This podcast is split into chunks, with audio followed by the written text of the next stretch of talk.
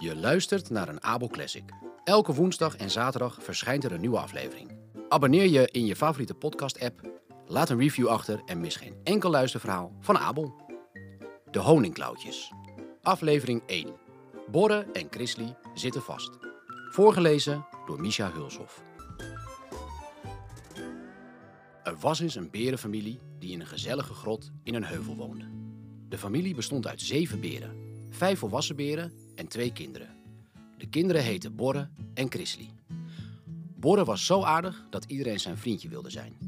En Chrisley was zo eigenwijs als een ezel. Zo niet eigenwijzer. Hun achternaam was Honingklauw, want beren houden nou eenmaal erg van honing. Dan waren er nog papa en mama Honingklauw. En in de grot woonde ook een oude berenmeneer die opa Schuddebuikje heette.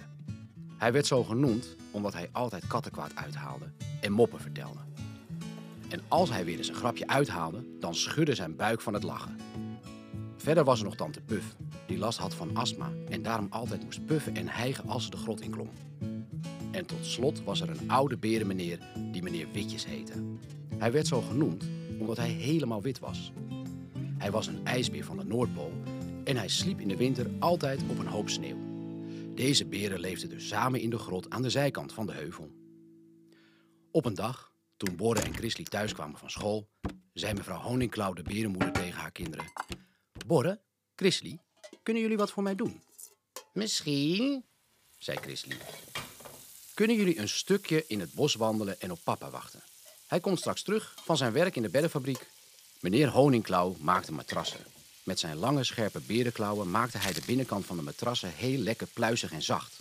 Hoe klaar wakker je ook was, je viel altijd meteen in slaap als je ging liggen op een van de bedden van meneer Honingklauw. Waarom? vroeg Borre.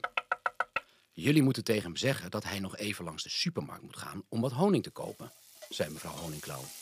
We eten warme maiskoekjes met honing vanavond. Oh, lekker! riep Chrisley en wreef met haar berenpootjes over haar bolle buikje. Toen huppelden zij en Borre naar het bos om op hun vader te wachten.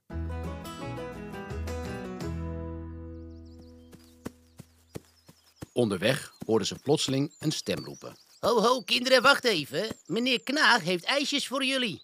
Oeh, lekker ijsjes, zei Borre. Een paar minuten lang bleven Borre en Chrisley wachten op meneer Knaag, het konijn. Ze waren net aan het fantaseren over welke ijsjes ze zouden krijgen toen niet meneer Knaag, maar opa Schuddebuikje het bosje uit kwam springen. Ah, ja, gefopt, riep de oude beer en zijn buik schudde van het lachen. Nou, wat stom. Wij wilden ijsjes, zei Chrisley. Opa Schuddebuikje lachte nog even om zijn grap. maar toen hij zag hoe teleurgesteld de berenkinderen waren, zei hij... Eh, kinderen, eh, sorry.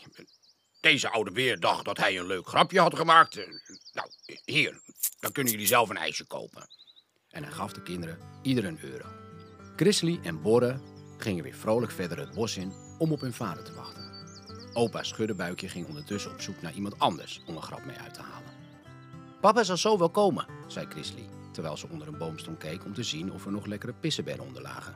Misschien moeten we een klein stukje verder lopen, zei Borre.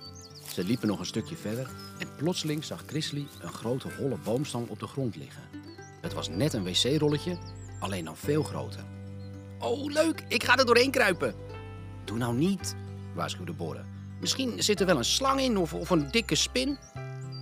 Ah joh, ik ben niet bang. En trouwens, ik kan er helemaal doorheen kijken en er zit niks in. Chrisley bukte en begon door de holle boomstam te kruipen. Maar Jemine, ze was net nog niet ver toen ze merkte dat het gat in de boomstam steeds smaller en smaller werd. Oh, mijn honing! Ik, ik pas er niet doorheen. Ik denk niet dat ik naar de andere kant kan kruipen, dacht de kleine beer. Toen probeerde ze achteruit te kruipen, maar dat lukte ook niet. Ze zat vast. Help, help, zei Chrisley, terwijl ze kronkelde en wiebelde. Maar ze zat muurvast. Ze kon zich nauwelijks bewegen. Wat is er aan de hand? Ik zit vast, ik, ik kan er niet uit. Oké, wacht. Ik pak een lange stok en dan duw ik je eruit. Dus pakte Borre een lange stok en stak hem in de holle boomstam. Meteen stuitte de stok op iets zachts. "Eh, wat is dat? vroeg Borre verbaasd. Auw, stop, auw, dat is mijn rug, riep Chrisley. Auw, hou op nou, dat, nee, niet doen, dat kietelt. Maar ik wil je eruit duwen. Borre prikte haar weer met de stok. zo lukt het niet. Ik denk dat je achter me aan moet kruipen en me eruit moet trekken. Oké, zei Borre vriendelijk. Dat ga ik doen. Hij klom de boomstam in vanaf dezelfde kant waar zijn zus naar binnen was gegaan. Ik kom eraan! Eh, Wat is er aan de hand? Ja, ik, zit ook vast. Of ik ben te groot, of deze boomstam is te klein. Ja, zo kan ik je er niet uittrekken. Oh jee, riep Chrisley. Dus daar zaten de twee kleine berenkinderen vast in de holle boomstam. Ze wiebelden en kronkelden en deden alles wat ze maar konden bedenken om eruit te komen. Maar het mocht niet baten. Ze zaten vast. Op dat moment kwam hun berenvader net uit de beddenfabriek en liep door het bos op weg naar huis. De beer hoorde geschreeuw uit de holle boomstam komen. En toen hij even luisterde, wist hij dat het geschreeuw van zijn kinderen Chrisley en Borre kwam. Help! We zitten vast! Oh, mijn honing. riep meneer Honingklauw. Die arme kinderen zitten vast in de holle boomstam. Toen maakte meneer Honingklauw met zijn sterke klauwen een groot gat in de zijkant van de boomstam. Waarbij hij goed oplette dat hij Borre en Chrisley niet zou krabben. Al snel was het gat groot genoeg voor de twee berenkinderen om eruit te komen. En wat waren ze blij. Ik ga nooit meer in een, in een holle boomstam, riep Chrisley. Ik ook niet, voegde Borre eraan toe. Toen vertelden ze dat hun moeder honing nodig had voor het avondeten. Meneer Honingklauw pakte de poten van zijn kinderen vast en poot in poot liepen ze naar de winkel waar honing werd verkocht.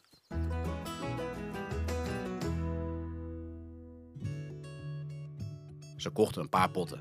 En toen ze toch in de winkel waren, kochten ze ook een paar ijsjes voor het toetje. Tijdens het avondeten zei oom Schuddebuikje dat het vast te komen zitten in de holle boomstam een goede grap was van Chrisley en Borre. Misschien was dat wel zo, alleen vonden de berenkinderen het niet zo grappig. Ondanks hun boomstamavontuur vonden ze de honing en de ijsjes wel heel erg lekker en aten ze hun bolle berenbuikjes weer helemaal rond.